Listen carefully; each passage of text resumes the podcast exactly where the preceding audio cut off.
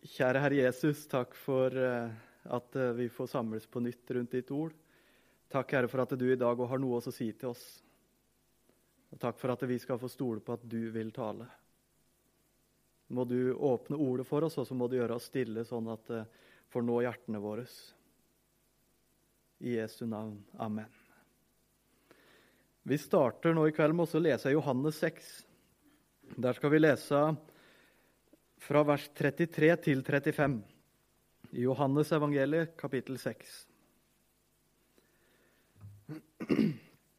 For Guds brød er det som kommer ned fra himmelen og gir verden liv.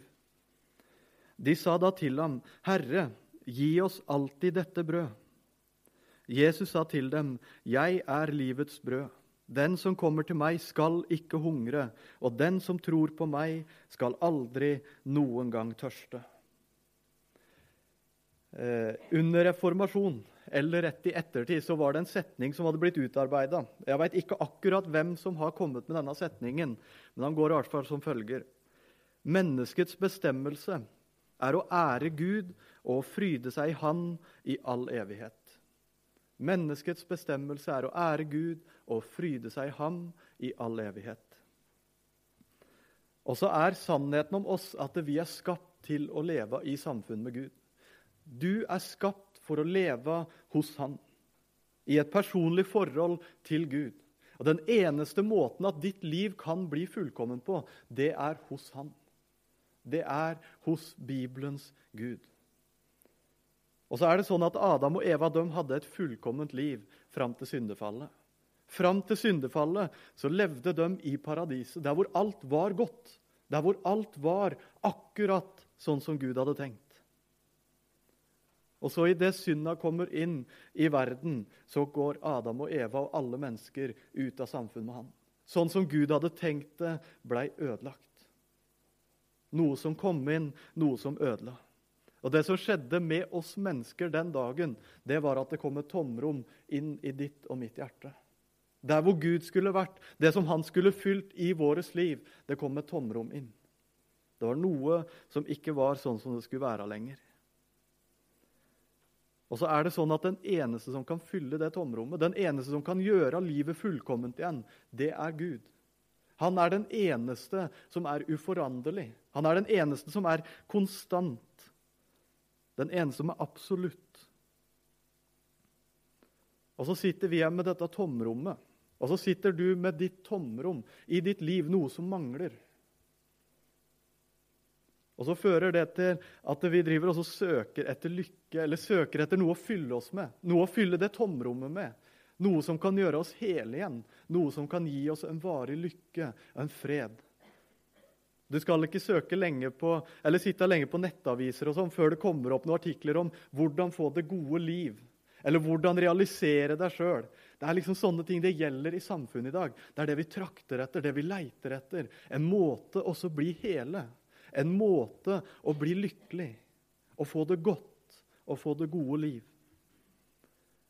Men så er det sånn at alt annet enn Gud er forgjengelig. Og det vil si at alt annet enn Gud det opphører å eksistere. Det har ikke en varig glede ved seg. Det har ikke en varig substans. Og så hjelper det ikke med alt hva vi enn måtte prøve på. For det forgår. Det varer bare ei kort stund.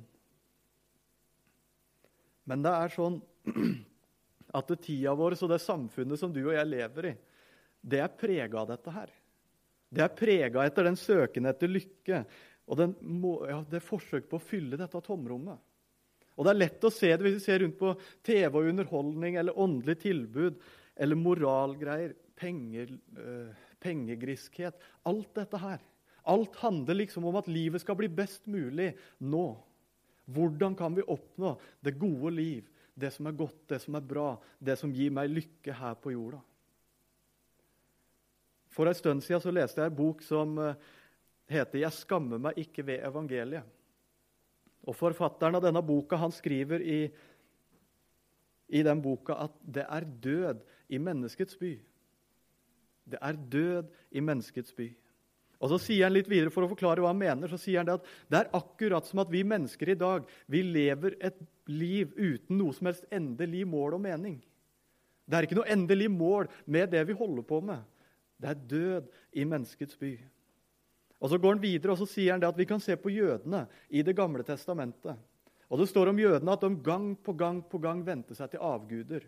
Vendte seg vekk fra Gud og til avguder. Og så sier han det. Men de visste i hvert fall at det finnes noe mer. Og Så går han videre og så sier han grekere. De har sine filosofer. Og de har sine guder som de til og med sier at de er for dårlige. De kan ikke hjelpe dem i alle ting. De søker til alle disse plassene. Og så sier han videre men de visste i hvert fall at det finnes noe mer. Og så sier han det at i dag så er det akkurat som at det er liksom fullt ut materialistisk. I dag så Ja, vårt samfunn det er avkristna. Vi kan gå i Norge 50 år tilbake, kanskje 100. Så var det liksom en sånn tanke i hvert fall om at det, kristendommen det var noe rett eller noe godt ved det. Ja, det finnes en Gud. Om ikke alle var personlig kristne, så var i hvert fall folk flest enige om at det var noe i det. Mens i dag så er det fullt ut materialistisk. Tanken er at det er ingen hjemme i universet. Det fins ikke noe Gud. Vi er på egen hånd. Vi skal klare oss sjøl. Og Så kan vi begynne å fordele skyld over hvorfor har dette kommet til det punktet. Hvem er det som er skyld i det? Hvem har svikta? Hvem er det som har fått det dit? Men faktum er at sånn er det. Den generelle tanken er det fins ingen Gud, det er ingen hjemme. Det er ikke noe mer enn oss. Og så er det sånn at Folk kjenner ikke sannheten, men de veit ikke engang at det fins en sannhet. Og det sier seg sjøl at vi ikke finner mening eller lykke eller noe varig fred når vi har vendt oss vekk ifra den ene som kan gi det. Vi leser i Romerbrevet 1. Der skal vi lese først vers 18, og så skal vi gå litt nedover og lese 22 25, tror jeg det blir, etterpå. Romerbrevet 1, 18. For Guds vrede åpenbares fra himmelen over all ugudelighet og urettferdighet hos mennesker som holder sannheten nede i urettferdighet. Mens de ga seg ut for å være vise, ble de dårer, og de bytta bort den uforgjengelige Guds herlighet mot et bilde, en avbildning av et forgjengelig menneske og av fugler og firbente dyr og krypdyr. Derfor overga også Gud dem i deres hjertes lyster til urenhet til å vanære sine legemer seg imellom. De bytta bort Guds sannhet mot løgnen og æra og dyrka skapningen framfor Skaperen, Han som er lovprist i evighet. Amen. Det er død i menneskets by. Og så er det to ting som jeg har og tenkt på i dag i den forbindelsen. Og Det første som jeg har tenkt på, det er at folk sulter. I landet vårt i Norge, i et samfunn som er så å si avkristna. Iblant en befolkning hvor folk stort sett tenker at det fins ikke noe Gud, vi er på egen hånd. Det handler om hvordan jeg kan bli lykkelig, hva jeg kan gjøre for å få et godt liv. Folk sulter. Og sjøl om det er død, så forsvinner ikke mennesket. Vi forandrer oss etter den tida vi lever i. Men når alt kommer til alt, så sitter du og jeg og alle andre som lever i dag, på den samme naturen som Adam og Eva gjorde, og alle andre mennesker har gjort. Og det er en natur hvor Gud mangler, hvor vi er skilt ifra Han som kan gi oss varig liv, varig lykke, varig fred. Det er et tomrom, det er noe som mangler. Og så søker vi nytelse og lykke som aldri før. Det er en sult som ligger i oss. Det er noe vi jager etter, det er noe vi ønsker å få, noe vi ønsker å fylle oss med. Det er noe som mangler. Jeg satt og søkte litt på hva det egentlig kalles et sånt samfunn som vi lever i. Og Det som kom opp, det er at det, er et hedonistisk samfunn. Kort fortalt så vil det si at det hver enkelt søker sin egen lykke og søker sin egen nytelse. Det handler liksom om å sørge for sin egen lykke. Hvis det er noen her som har gått på helsesosial, så har dere kanskje hørt om Maslows behovspyramide. Det å dekke forskjellige behov. Det er fysiske behov, det er åndelige behov og forskjellige greier som vi mennesker trenger å få dekka. Det handler om til sjuende og sist å realisere seg sjøl. Det er dette hedonistiske samfunnet. Og så gir det seg utslag på forskjellig vis og på mange områder. Jeg nevnte noe av det i stad, men vi kan se det i den trangen etter å få penger. Folk som jager etter å få så mye penger som overhodet mulig. Jeg merker det hos meg òg. Jeg er sikker på at dere sitter her og merker det hos dere sjøl.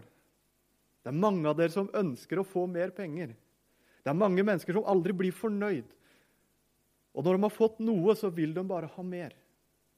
Jeg tror det kan handle om jobb, at det kan bli så viktig. Neste forfremmelsen. Og når du først har fått den, så er det neste igjen. Eller at det handler om å få så fint hus eller så, fi, så fin bil som overhodet mulig. Det kan være nødvendige ting, det kan være gode ting. Men poenget mitt er at det fins ikke hvile i det. Det fins ikke en varig lykke i de tinga som vi kan jage etter her på jorda. Det er ikke det som fyller tomrommet. For når vi har fått noe, så kommer bare trangen etter å få noe mer. Russell Brand han er eh, en verdenskjent komiker og skuespiller. Og Han har sagt det i et intervju at eh, du oppdager det at det berømmelse og fine ting og penger, alt dette her du får med den statusen Når alt kommer til alt, så er det bare ting. Når alt kommer til alt, så gir det ikke lykke. Og Så fortsetter han i dette intervjuet og så sier han det at jeg har gått fra å være narkoman. Jeg satt på gata i London og jeg tigga penger for å ha nok penger til å kjøpe mer narkotika. Et liv som så ut helt ødelagt, helt ferdig. Ingenting å leve for. Og så har jeg kommet til det punktet hvor jeg er i dag, hvor jeg har kjent over hele verden jeg ja, alt det jeg trenger. Og så sier han det at 'jeg er ikke noe mer lykkelig'. Det gir meg ingenting. Og så er han fortsatt sulten, og så er det fortsatt noe som er tomt. Noe han mangler. Eller Olav Thon, en av Norges aller rikeste menn. For noen år siden så kom det fram at uh, Olav Thon hadde betalt mer skatt enn alle andre i kommunen hans til sammen. Og så var det en journalist som hadde plukka opp dette, her, så han ringte for å snakke med Olav Thon. Og så sier han det at er du ikke bitter? Her har du betalt så ufattelig mye skatt, og mer enn alle andre i kommunen til sammen. Er du ikke bitter over alle de pengene du må gi? Olav Thon svarte følgende at nei, jeg er egentlig ikke bitter. For jeg veit det, at det den dagen når jeg skal ut av denne verden Jeg får ikke lov til å ta med meg så mye som en fyrstikk dit hvor jeg skal. Når alt kommer til alt, så er det tomhet. Når alt kommer til alt, så er det forgjengelig. Det blir lagt igjen og har ingen verdi. Hva annet med et sånt samfunn sånn som vi lever i nå? Et hedonistisk samfunn der hvor alle lever for seg sjøl. Moralen. Kanskje vi kan se det aller beste i seksualmoralen, der hvor alt plutselig er lov. Jeg har ikke levd i en tid hvor ting har vært så veldig annerledes, men du hører jo om det. Det var annerledes før. Det har forandra seg. Alt er lov så lenge det gjør deg lykkelig, så lenge det kan være noe du får nytelse ut av. Ekteskapet er ikke hellig lenger. Det er noe riv ruskende gæli med moralen. Eller det at det er så ufattelig egoistisk. Alt handler liksom om min lykke, min nytelse, gjerne på bekostning av andre mennesker. At jeg skal få det sånn som jeg vil. Eller noe av det som kanskje er aller verst. Nå i dag så er vi over sju milliarder mennesker på denne jorda. Og så sies det at ensomheten har aldri vært større. Er det ikke noe galt da? Er det ikke noe som er helt på bærtur når vi er sju milliarder mennesker og ensomheten aldri har vært større? Det handler om meg, det handler om mitt. Eller underholdning, hvor vi ja, stuper inn i andre eh, realiteter. Rømmer vekk. Lever livet gjennom andre. Jeg mener ikke at alt dette her er galt, alt er feil. Det er ikke det jeg prøver å si. Men det er det at det fyller ikke tomrommet. Det gir ikke livet mitt en varig mening, en varig lykke. Det er et tomrom. Jeg har levd tre år av livet mitt borte fra Jesus. Og Når jeg tenker tilbake på de tre åra, så ser jeg at jeg levde et liv hvor jeg hadde et forferdelig tomrom. Jeg levde et liv hvor jeg søkte hele veien etter å få dekka opp noe som jeg mangla. Det var noe som jeg hadde gått vekk ifra, og noe som ikke var som det skulle være i livet mitt. Og så søkte jeg å fylle dette her på forskjellig vis. Jeg tror aldri jeg har sett så mye film som jeg gjorde da. Jeg var helt ekstrem på det hele veien. Og det var fotball hele veien. Og det var å finne nye ting som jeg kunne gjøre, for jeg fikk aldri ro. Alt dette her jeg gjorde, det var ikke galt. Men det var det at jeg prøvde å fylle et tomrom. Jeg fikk ikke ro. Og så har jeg tenkt på det ettertid at jeg visste jo at det var noe mer. Jeg hadde vokst opp hele livet mitt til da og hørt om Jesus. Jeg visste at det fins noe mer. Så hva da med alle dem i Norge i dag som aldri har hørt at det er noe mer? Sulter dem? Alle dem som bor i Tromsø, naboer av skolen her, folk dere treffer på butikken, andre steder, som aldri har hørt om Jesus, sulter dem? Jeg tror vi kan svare ja på det. Jeg er ganske sikker på at vi kan svare ja på det. Bare se på det der ekstreme fokuset på hvordan bli lykkelig, hvordan få det gode liv. Hva kan jeg gjøre for å realisere meg sjøl? Jeg studerte religion et år. Og alle de nye åndelige retningene som har kommet til Norge siste åra, siste 30-40 åra Én ting er jo at de kommer til Norge, men at de har blitt her. At de har fått fotfeste. Det forteller meg at det er en sult. Det er noe folk søker etter. Det er noe folk mangler. Folk er sultne. Det året når jeg gikk på Fjelltun bibelskole, så Jeg var hjemme i juleferien det året. Og så skulle jeg på nattevakt et sted hvor jeg jobba en del.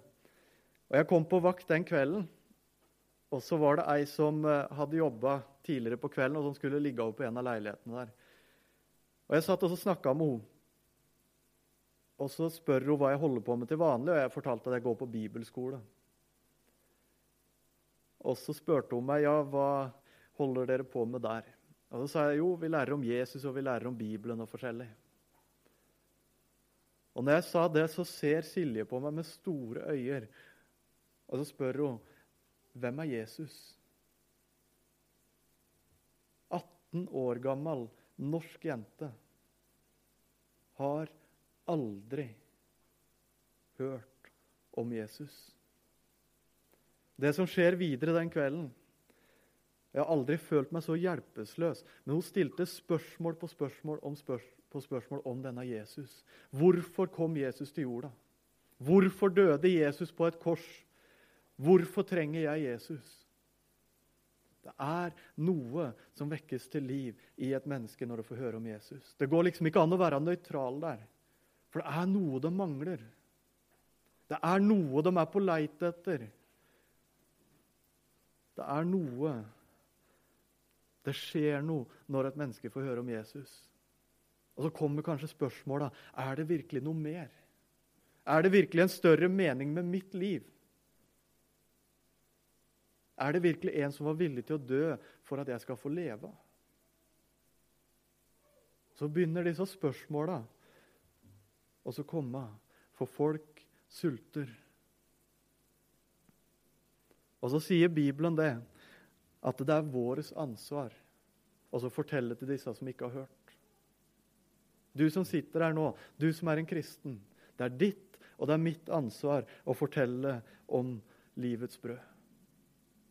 Vi har misjonsbefalinga i Bibelen. Gå ut og gjør alle folkeslag til disipler. Gå ut og gjør alle folkeslag til disipler. Det er kallet til hver eneste kristen i hele verden. For det går millioner av mennesker og sulter. Millioner av mennesker som mangler noe. Som er på vei mot en evig fortapelse. Jeg tenker på lignelsen om kongesønns bryllup. Der står det, det at når tjenere kommer tilbake, og de som var innbudt, ikke ville komme, så sier kongen til tjenere at nå skal dere gå ut, og så skal dere gå til veikrysset og så skal dere rope ut innbydelsen. Så skal dere rope ut at det er bryllup på Slottet, og du er invitert.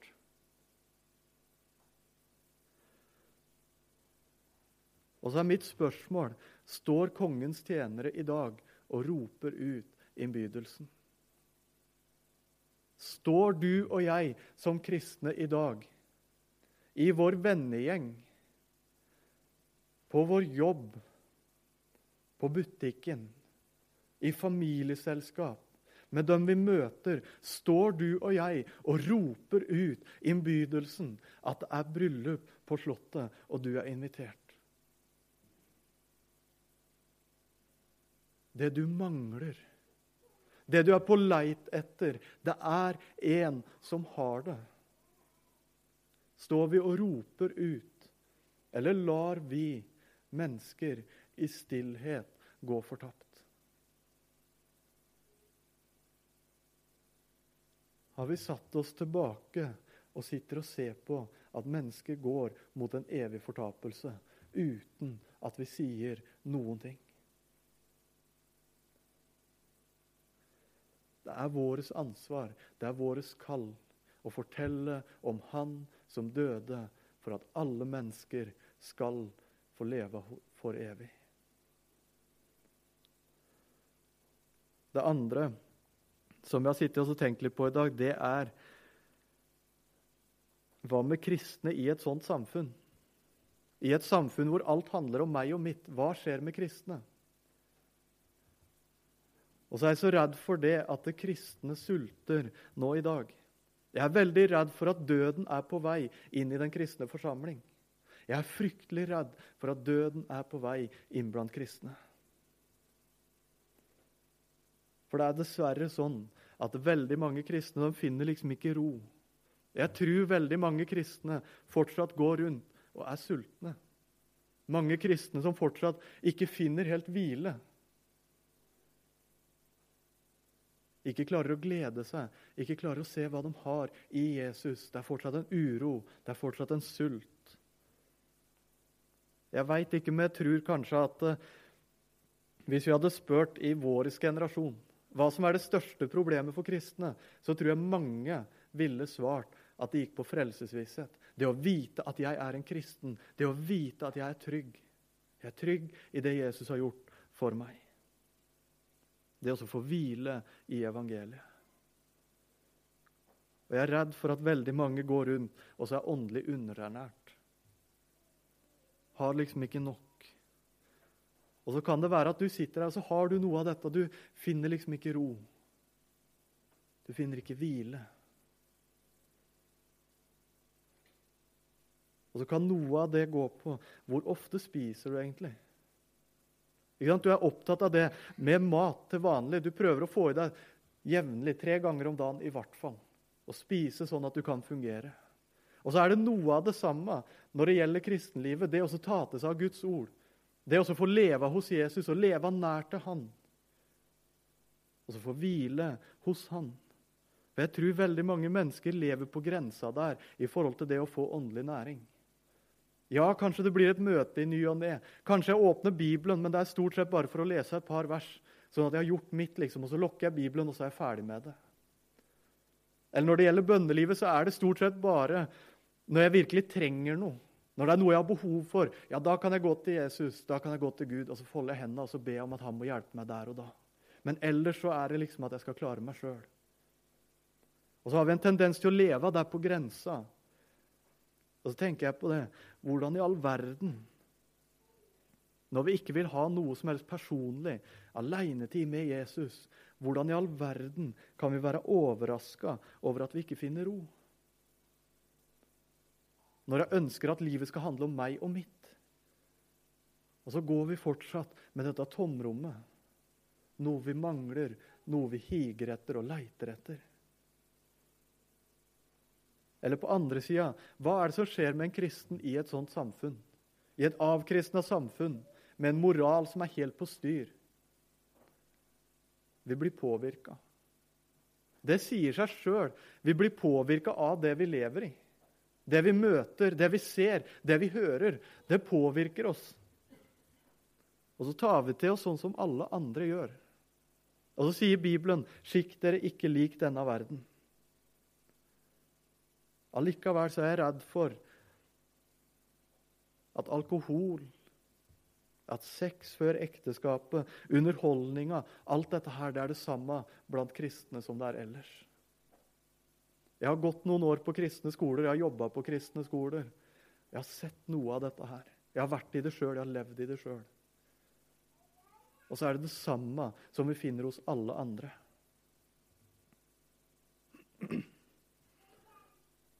Eller når møtet er ferdig nå. Det er ikke sikkert det er så aktuelt akkurat her, men kanskje det er noen her. Så setter dere i bilen. Og Så kjører vi hjem fra møtet, og så hører vi på akkurat den samme musikken som alle andre hører på. Med akkurat samme innholdet, gjerne samme umoralen som alle andre hører på. Og Så kommer vi hjem og så setter vi oss i godstolen eller legger oss på sofaen. og Så skrur vi på TV-en og så ser vi på akkurat de samme filmene og TV-programmene som alle andre ser på. Med akkurat den samme umoralen og samme budskapet. Allikevel så er vi overraska over at vi ikke finner ro. Vi fyller oss med alt dette andre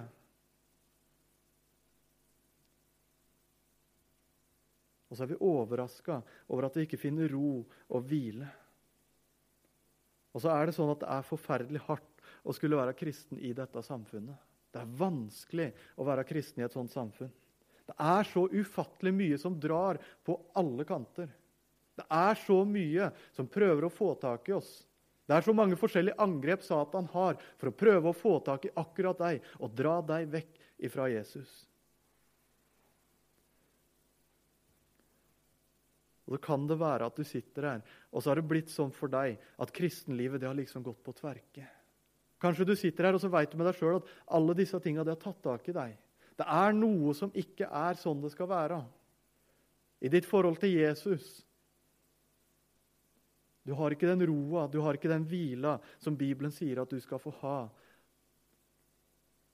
Det er noe som mangler. Du leiter fortsatt etter noe.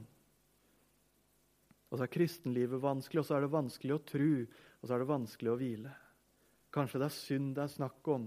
Kanskje det er avgudsdyrkelse på et eller annet vis. Noe som gjør det vanskelig. Og så er du sulten, og så er det tomrom i livet ditt. Hør hva Jesus sier i Johannes 6. Jeg er livets brød. Den som kommer til meg, skal ikke hungre. Den som tror på meg, skal aldri noen gang tørste. Og så står det i vers 37 rett etterpå. Alle de som Faderen gir meg, kommer til meg, og den som kommer til meg, vil jeg slett ikke støte ut. Og så sitter du kanskje her, og så merker du at det er et tomrom, eller at du merker at du har ikke den hvila du så gjerne skulle hatt. Og så sier Bibelen, og så sier Jesus til deg, 'Kom til meg'. Du kan streve etter alle ting for å fylle livet ditt. Du kan holde på og holde på og leite etter den lykka og leite etter den hvila. Du kommer ikke til å finne det noe annet sted, men kom til meg. For jeg har alt det du trenger. Alt det du prøver å fylle opp, du kommer ikke til å klare det. Men jeg kan gjøre det, og jeg skal gjøre det. For jeg er livets brød. Og så er det ikke noe nederlag å skulle gå tilbake til Jesus. Om du har havna på avveie, om du har kommet på avstand, om det er ting i livet ditt som har dratt deg bort Det er ikke noe nederlag å skulle gå tilbake til Han og si at 'jeg trenger deg, Jesus'. Det var ei en gruppe amerikanske turister som eh, var på reise i Israel. Så hadde de guida tur rundt omkring der nede i Israel. Og han Guiden som de hadde, han eh, pleide alltid å spørre gruppene sine om det var noen som hadde vært i Israel før. Og så hadde han glemt det når de kom, så han hadde bestemt seg for at han skulle spørre den siste dagen. Og Turen gikk sin gang, og den siste dagen kom. og Disse amerikanerne de kommer gående ned til bussen siste morgenen. Og De begynner også å kjøre utover der hvor de skal. Og eh, Guiden han går fram i bussen og så tar han mikrofonen og så spør, eller sier at jeg pleier alltid å spørre om noen har vært i Israel før. Jeg vil spørre dere også, er det noen av dere som har vært i Israel før? Og Av en eller annen grunn så blir det merkverdig stille i den bussen. Og sekundene de går. Og Det går 10 sekunder, og det går 20 sekunder. Etter hvert så er det en eldre mann langt bak i bussen som reiser seg opp. Og Så kommer han gående fram, og så får han mikrofonen i hånda. Og så sier han det at nei, jeg har aldri vært i Israel før. Men jeg har ofte vært på Golgata. Jeg har aldri vært i Israel, men jeg har ofte vært på Golgata. Og skal vi få komme tilbake dit. Komme tilbake til Han som er livets brød. Der hvor alt jeg trenger, og der hvor alt det du trenger, er i Jesus Kristus.